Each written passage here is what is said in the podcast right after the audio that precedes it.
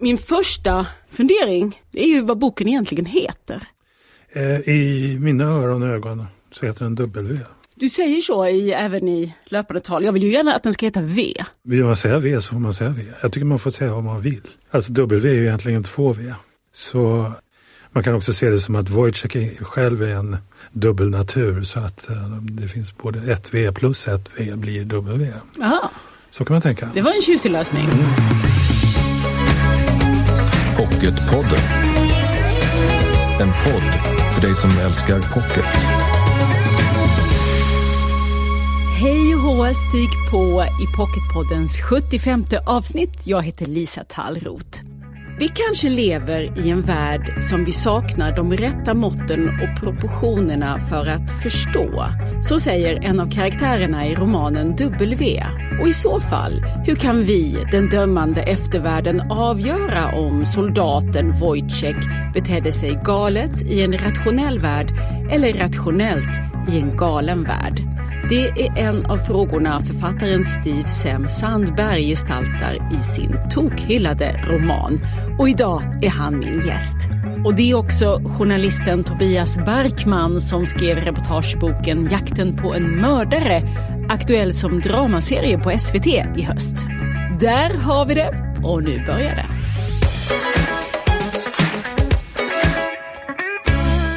Ja, när jag träffade Steve Sem Sandberg så svävade vi fortfarande i ovisshet om hur Svenska Akademin skulle göra med sin högtidliga sammankomst den 20 december då Steve och Ingrid Karlberg ska ta inträden som nya ledamöter.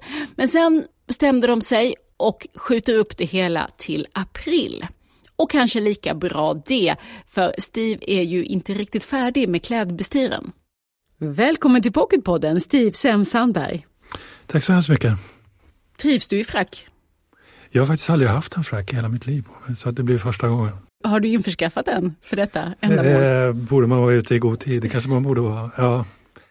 Jag har tagit fram lite adresser och så här. Ska ja. fundera på vart jag ska gå och prova dem. Det kanske är värt att investera i en? Det blir ju lite fracktillställningar. Det blir några, jag vet. Det är inte min, riktigt min genre men jag får försöka öva upp äh, färdigheterna där. Alla klär i frack, så det en, kan du trösta dig med. Men du vad, har du, vad har du för förhoppningar inför att nu ingå i Svenska Akademin? Nej, jag, jag gör mig inga förhoppningar. Jag, jag, för mig är inte det här så mycket en um, utnämning för ärans skull utan mera ett slags, tycker jag, um, någonting man blir erbjuden efter lång trogen tjänst i litteraturens vingård eller hur man nu ska uttrycka det. Och min tanke med det här är att helt enkelt att försöka liksom ge tillbaka och försöka använda de erfarenheter som jag har skaffat mig under långt och tåligt eh, läsliv så att säga. Och vad tänker du liksom att du vill kunna bidra med? Ja, framförallt läsning och det tror jag också vad akademin behöver. De behöver människor som kan läsa mycket och som har ett öga för litteratur. Och det tror jag att jag har efter att ha läst i hela mitt liv och också varit verksam som kritiker. Så jag tror att jag har åtminstone något lite att komma med. Alldeles säkert. Du är blygsam. men... Jag vet inte om jag är blygsam, men det är så jag ser på det. Mm. Mm. Man kanske också har lite farhågor när man träder in i Svenska Akademin i detta lite nya läge som akademin står inför. Vad tänker du kring det där? Nej, jag tänker ingenting om det och jag tänker inte heller säga någonting om det. För att överhuvudtaget kunna svara på den frågan eller uttala sig meningsfullt om, om Svenska Akademin så bör man på något sätt ha haft direkt erfarenhet och inte bara indirekt erfarenhet som oftast är det som refereras. Folk tycker och tänker en otrolig massa saker utan att ha en konkret erfarenhet på sina fötter och det tänker inte jag göra. Nej. Tids nog så får du konkret erfarenhet av arbetet på och insidan i Svenska Akademin. Då kan vi återkomma ja. om det. Men du, nu ska vi prata om Johann Christian Wojciech. Han är huvudperson i din bok W, eller V som jag då vill säga, men man fick göra hur man vill, sa du. Han är också huvudperson i den klassiska teaterpjäsen som heter just Wojciech. Den skrevs av den tyske dramatikern Georg Büchner på 1830-talet. Och det var ju då bara drygt tio år efter att verklighetens Wojciech hade avrättats. Han dömdes till döden för mord. Och vem eller vad det var som drev Wojciech dit till att mörda sin egen käraste fästmö, det är ju den frågan som berättelsen behandlar och flera tänkbara svar träder också fram när vi får titta tillbaka på det liv och det samhälle och den tid som var hans. Och tydligt blir det ju att Wojciech kanske själv inte fick vara huvudperson i sitt eget liv. Det han kanske saknade mest var friheten att styra sitt eget öde. Mm. Men presentera för oss denne Johann Christian Wojciech. Vem är det som du har velat skildra? Ja, alltså den historiska Wojciech var eh, son till en perukmakare i Leipzig. Växte upp i en ganska fattig familj. Och eh, som vanligt var på den tiden så tog man då lära i samma yrke som ens pappa arbetade så att eh, Wojciech gick i perukmakarlära eh, när han var ung.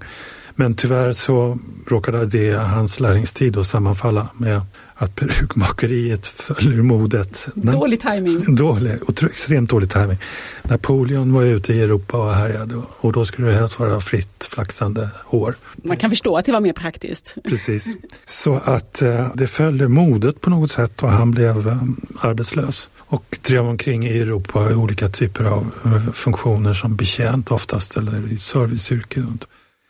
Men eh, det höll inte i längden och till slut så tog han då värvning vilket var ju ett tryggt sätt för människor utan utbildning och utan karriärmöjligheter som vi skulle säga idag att, att åtminstone få en utkomst.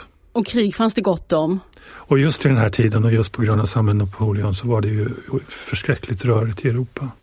Och de som slogs i de här krigen var ju legosoldater, de var ju anställda. Så det var ju fullt möjligt att slåss i olika arméer eh, mot samma armé som han tidigare hade varit i. Byta under krigets gång. Precis. Så att han fick vara med om ganska mycket under sin 18-åriga soldatkarriär.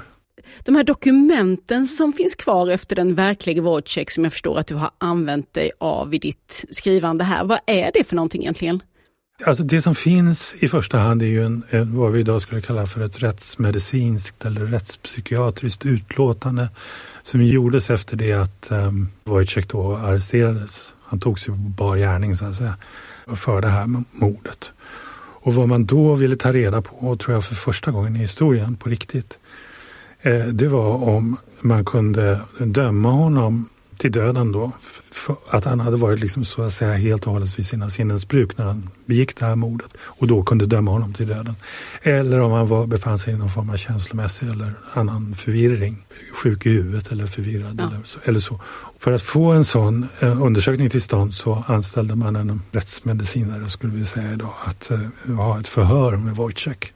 Och det, den rapporten finns bevarad i sin helhet faktiskt. Och det var det material som också Georg Büchner utgick ifrån när han konstruerade sin fiktiva eh, gestalt Wojciech. Då. Och din roman är uppbyggd som en återblick där denne Klaurus försöker rekapitulera Wojciechs hela liv för att avgöra om han är galen eller inte. Och lite mer specifikt, vad är det han letar efter egentligen, Klaurus? Han letar väl efter, efter själen, antar jag. Eh, jag vet inte riktigt själ? Ja, eller, eller det, det onda i honom som, som har fått honom att göra de här handlingarna.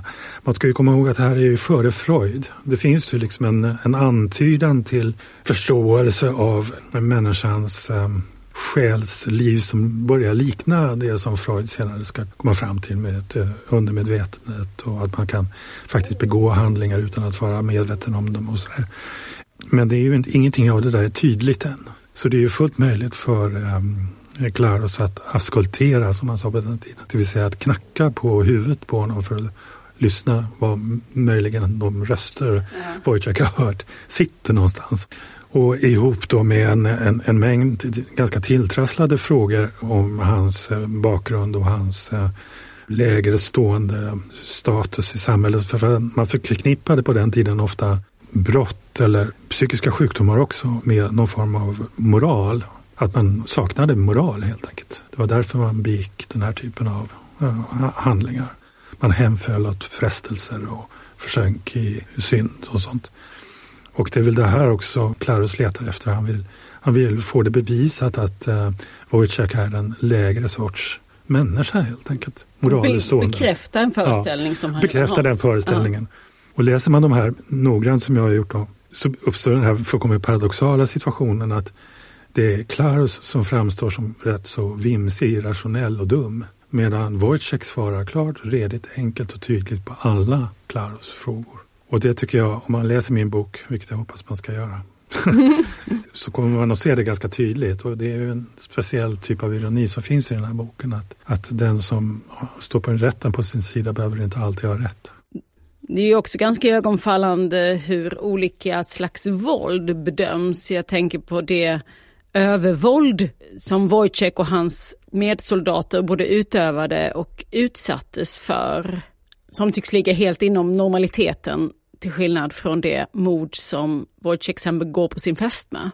Ja precis, och det är ju ytterligare en ironi då på något sätt. För att jag tror ju att, ehm, att det är ju de här upplevelserna under krigen som Wojciech är med om som på något sätt eh, rubbar hans sinne. Alltså det är också uppenbart om man läser Claras protokoll att Wojciech faktiskt var sjuk. Att han, han hade psykoser, schizofrena tillstånd som allihopa var orsakade av det som vi kallar för posttraumatisk stress. Han är alltså djupt skadad av det han har varit med om. Och eh, det är det ju ingen i, i Büchners eller i, i Wojciechs samtid som ser överhuvudtaget. Alltså, det begreppet finns inte och därför finns inte heller sjukdomen.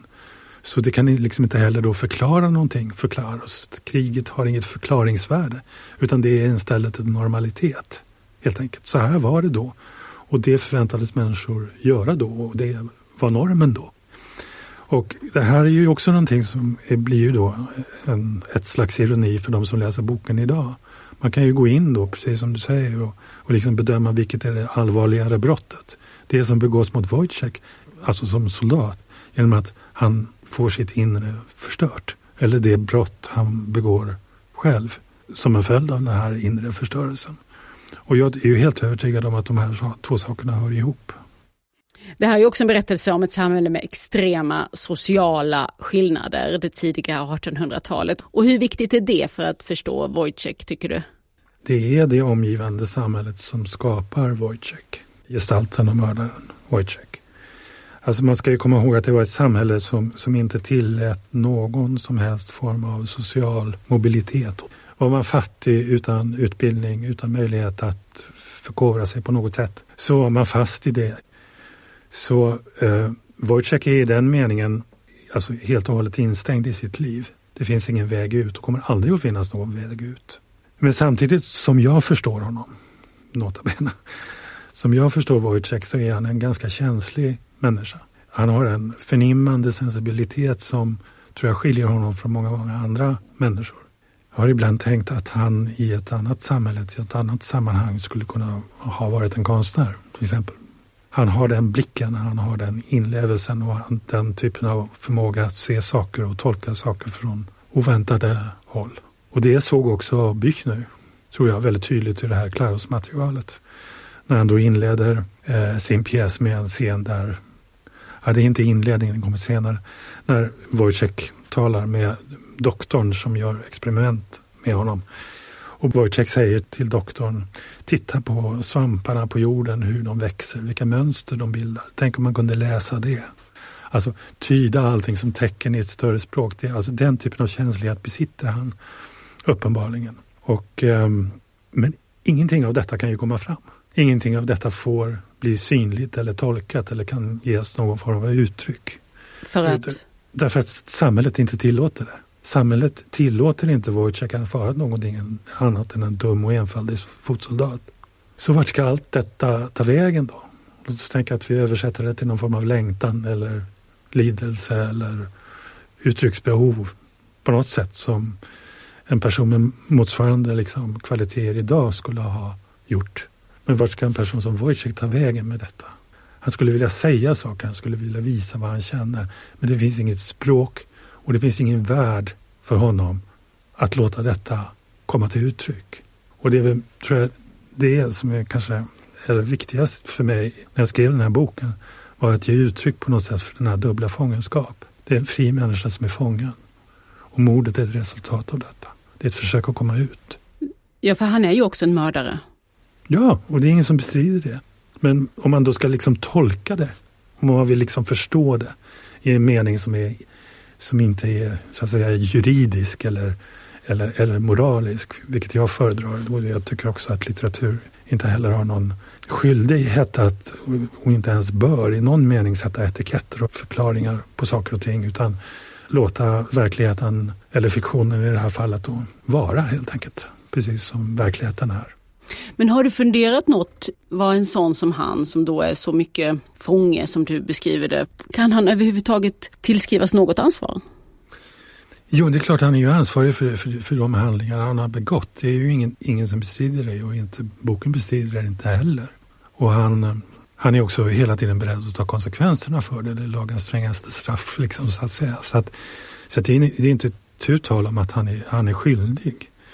Men vad har man konstaterat om man har sagt det? Man har ju inte förklarat någonting.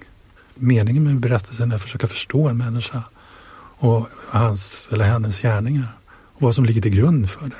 Nu talade du ju ganska mycket om hans omständigheter och, mm. och att han inte, inte finns plats för honom i den tid och den värld som han befinner sig på. Och då bara funderade jag på vad som händer med individen överhuvudtaget. Om, vad blir kvar? Ja, det blir inte så mycket kvar tror jag, men, men, men, men det där beror ju på hur man, hur man ställer frågan. Alltså jag, jag tror att min, min grundsyn är ju väldigt, väldigt deterministisk. Jag tror att man blir det samhället präglar en till att bli. Och eh, friheten eller möjligheterna till frihet och därmed också frågan om, om ansvar och så som du vill komma in på. Det, det uppstår någon annanstans i människors liv. I ögonblick av nästan nåd skulle jag vilja säga. Det finns sådana ögonblick i Wojciechs eget liv också. Och framförallt i, i den här boken är ju kärleken. Kärleken mellan man och kvinna i det här fallet, mellan Johanna och Johan. Och kärleken till det här lilla barnet som, som han kommer att bli någon slags fosterfar för ett kort tag. Det står ju där som ett ögonblick av nåd som upphäver det här fruktansvärda krigstillståndet som han hela tiden befinner sig i. Får jag läsa några rader? Eller vill du läsa själv? Nej, läs det. För det är nästan som en dikt.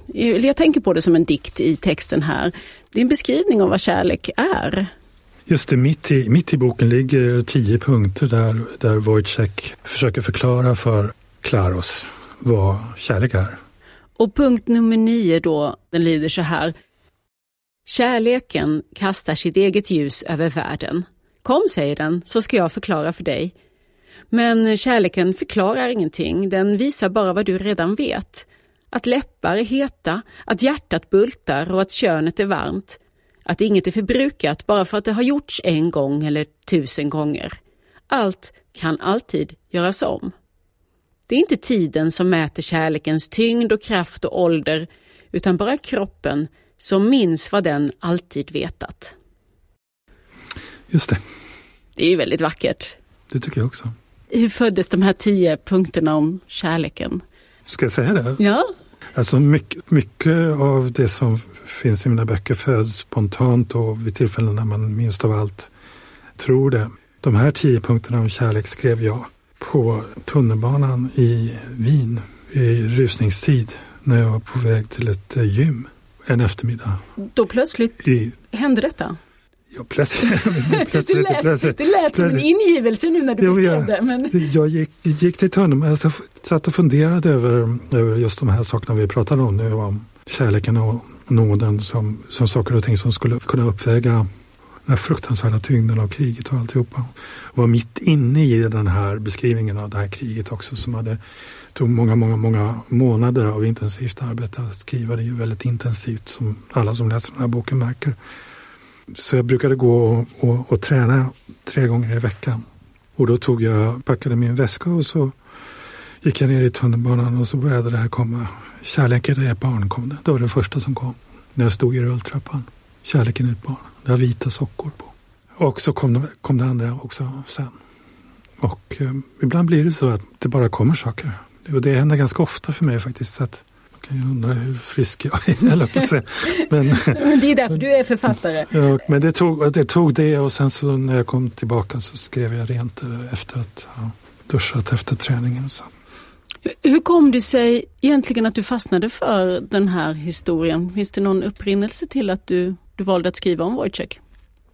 Alltså det, jag, jag tycker väldigt mycket om Büchners pjäs. Jag har sett den i otaliga uppsättningar Flera gånger på Dramaten till ja, exempel. till exempel. Och också på film. Och jag tror att det finns en väldigt, väldigt enkelhet i historien. Om, alltså den här grundhistorien som Bykner berättar om, om den enkle mannen som försöker försörja sin hustru och sitt barn och, och inte kan det egentligen annat än att upplotta sin egen kropp på ett medicinskt experiment. Och som på grund av det blir tokig. Det här är Bykners version. Och när då hans hustru är otrogen så mördar han henne i ett anfall av svartsjuka. Alltså det finns en här klinisk ren enkelhet över detta. Han mördar den han tycker mest om av alla på hela jorden och tar straffet för det. Liksom. Och jag har alltid varit fascinerad av den här berättelsens liksom, otroliga stramhet. Att någonting som är så mycket och så stort kan rymmas i en sån koncis form. Så att säga. Och eh, sen så var det så att jag en dag gick omkring, eller en dag, gick omkring och tänkte på att om man skulle det är ju ganska vanligt att författare ibland går tillbaka till andra förebilder och gör sina egna versioner. Och då hade jag precis sett en ny uppsättning av Wilsons musikal på en teater i Wien då. Och så hade jag tänkt att det är ju Wojciech självklart. Liksom. Den hade samma effekt på dig då? Som... Ja, det var trettonde gången jag såg den eller någonting sånt.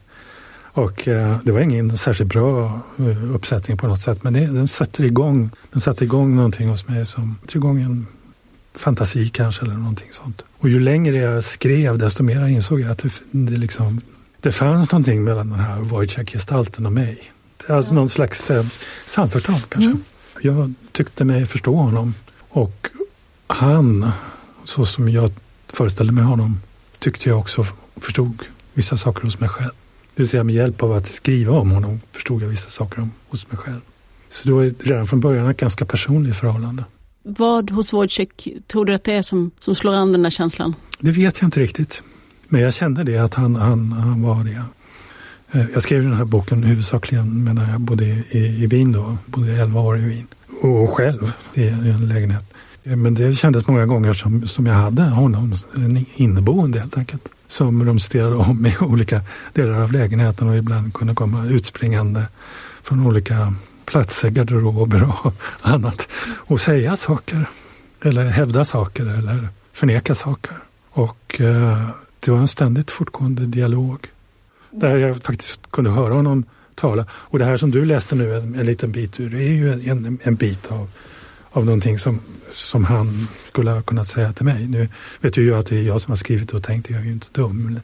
Men, men liksom det är den typen av liksom närvaro som man ibland kan känna med sina romanpersoner, att de blir, de blir så verkliga att de nästan vistas i hans eget rum. Så kände jag väldigt tydligt med honom. Och det här är ju under, under en ganska lång period. Jag menar, det tog ju fem år att skriva den här boken. Tror du att det kan vara en del av ditt bidrag? Att du har en varmare blick på Wojciech kanske än vad andra har haft tidigare? Egentligen inte, men däremot så tror jag att man, man om jag ska uttrycka mig lite annorlunda om det här, jag tror att det är omöjligt att skriva en, en roman av det här slaget utan att känna med den huvudperson man skriver.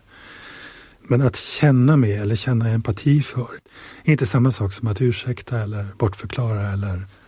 Och jag tror att den här empatin, den här förståelsen har varit en otroligt viktig drivkraft för mig när jag har försökt att få göra honom trovärdig helt enkelt. Och sen vad gäller själva brottet så brottet står ju där. Johanna levde, sen så lev, levde hon inte längre det är han som är skuld till det. Jag har heller inte konstruerat några, liksom, så att säga, i alla fall inte haft någon avsikt att konstruera några liksom, andra typer av ursäkter eller utvägar heller i form av ursäkter eller bortförklaringar. Utan det som är gjort är gjort och det står fast. Liksom. Men inuti det rum som skapas av här, den här situationen så känner jag starkt för honom. Det ska jag verkligen erkänna. Jag känner skarpt för det lidande han utsätts för, den skam han får utstå och det utanförskap han tillskrivs utan att förtjäna det. Och boken heter W, V som i Wojciech, det är den som är pocketaktuell nu. Men det finns ju också någonting som du, vi kan kalla ett bonusmaterial. Eller är det vanvördigt? En, nej, nej. en bok till! Ex extra spår. Eller extra spåret. Spår, ja. Eh, Jägarna i Armentières Förklara vad det är, vad är relationen här mellan böckerna? Att skriva är ju ett sätt att tänka på så att man kan tänka många, många tankar när man håller på med en bok som W. En tanke som, som, som slog mig till exempel var att, men tänk om det var så att det var i, i Büchners version, alltså, att det inte var Wojciech som dödade Marie utan Marie som dödade Wojciech. Vad händer då? Vad blir det för historia? Eh, och så skrev jag bara rakt av Maries eh, version om hur hon var otrogen och hennes man begick självmord. Vad händer med den här historien om man vränger den ut och in, så att säga? Som jag, alltså, alltihopa det här är ju tankar som sysselsatt mig när jag skrivit W, men som då har blivit självständiga berättelser. Så den andra boken, här, Jägarna i Armentier, är fyra sådana noveller som handlar om vad som händer om ett samhälle är så stelt runt omkring en att enda utvägarna ut ur det är antingen våldet eller vansinnet. Vi kallar det bonusmaterialet då till romanen W, Jägarna i Armentières som också är aktuell nu. Du har vistats länge då i den här tidsperioden, det tidiga 1800-talet. Var är du nu någonstans? I september 1765. Vad hände då? Ja, det blir snart varse, vi får se. Det ska jag inte avslöja nu. Steve Sem Sandberg, tusen tack för att du kom hit till Pocketpodden. Tack så hemskt mycket för att jag fick komma. Du lyssnar på Pocketpodden. Pervon och pedofiler i varenda buske.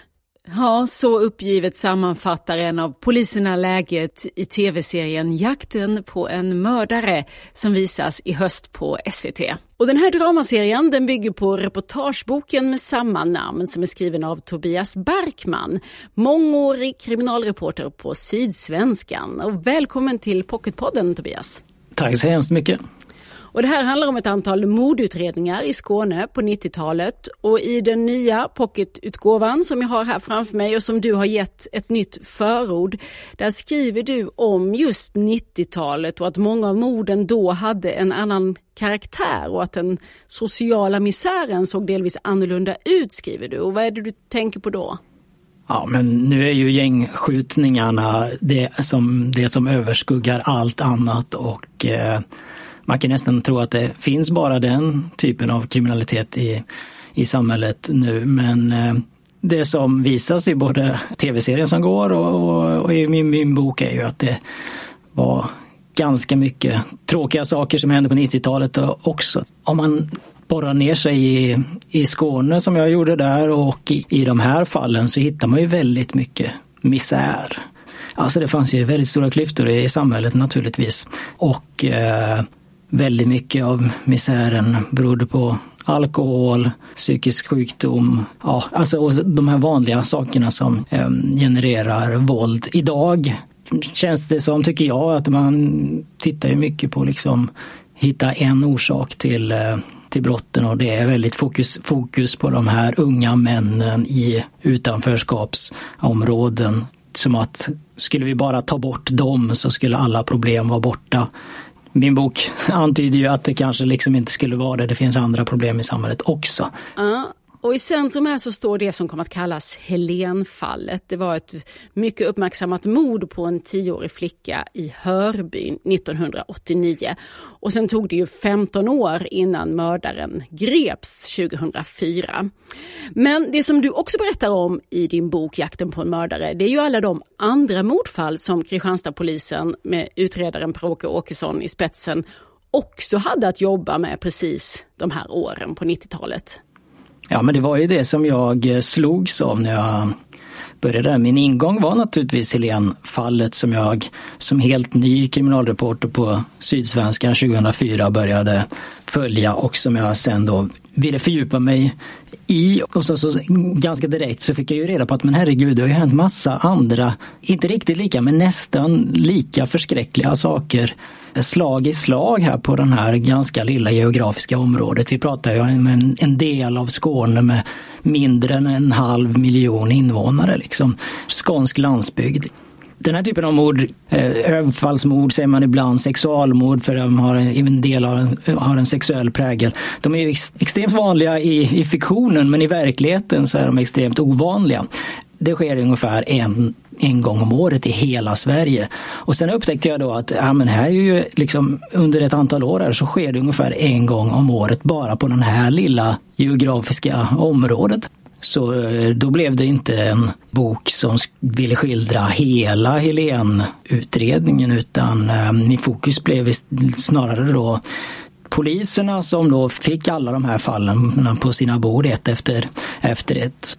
Och din bok är ju ett journalistiskt reportage Tv-serien är en dramatisering i regi av Mikael Marsiman. Och hur nära din version tycker du att tv-serien ligger?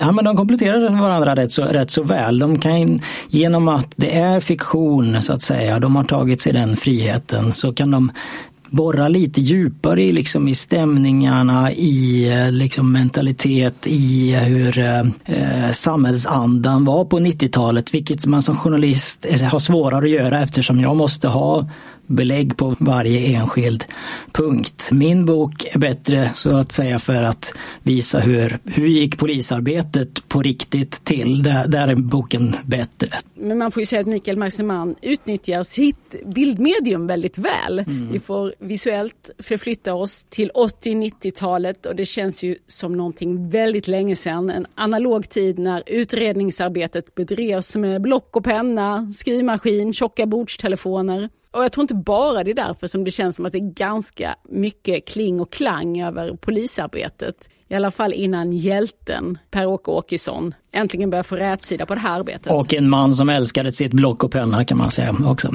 Stämmer det med din bild? Ja, men det kan man väl säga att det har skett väldigt mycket under de här 25 eh, åren och samtidigt 90-talet var en tid som det hände väldigt mycket eh, med polisen och vi kanske är i en sån tid nu med polisen också. Polisen är ju väldigt högt på den politiska agendan om nya tekniska framsteg och liknande. Det gör nästan den här historien ännu mer intressant idag än kanske än när, när boken kom för tio år sedan. Den är på sätt och vis en lite tydligare pendang till dagens eh, läge tycker jag. Mm, du och jag jobbar ju faktiskt samtidigt på Sydsvenskan en tid just där då det överraskande efter 15 år lossnade i den här Helen-utredningen. Vad minns du av det? Ja, det minns jag naturligtvis, eh, minns jag naturligtvis eh, väldigt tydligt. Eh, jag hade 2004 greps eh, gärningsmannen Ulf Olsson. Han, jag hade bara jobbat någon månad på, eh, på Sydsvenskan och knappt någon vecka innan de började med den här sista insatsen och eh, försöka spåra de 29 män som var liksom hetast att eh, ta itu med och DNA testa. Då hade jag bara jobbat någon vecka på Sydsvenskan och som alltid eh, när man är på ett nytt jobb är man lite, eh, man är inte varm i kläderna, man är lite nervös, man är inte så jätte kunnig. Jag var ganska färsk som journalist överhuvudtaget. Och så kommer en av Skånes största mordutredningar plötsligt till ett crescendo. Ja, exakt. Och jag kommer till en, jag är i polishuset för uh, av någon anledning. Det kommer bara någon och sticker ett pressmeddelande i handen om att det skett ett gripande under, under natten i Helenfallet och eh, sen är det fullt eh, blåst. Då. Kvällstidningarna som ju är jätteduktiga på stora händelser skickar mängder av folk från Stockholm till Skåne och så försökte jag hänga med där och eh, leverera nyheter och nyheter som ingen annan har om det här kriminalfallet som jag egentligen då eh, bara har jobbat med i någon vecka tidigare. Alltså så rent personligen var det speciellt, det var det. Eh, det var det, var det verkligen och sen att man letar sig ut till Ulf Olssons eh, sommarstuga här ute på landsbygden och se när polisen skulle hitta fram till den också och sådär. Så det var, det var väldigt speciellt. Det var en jättestor nyhetshändelse såklart.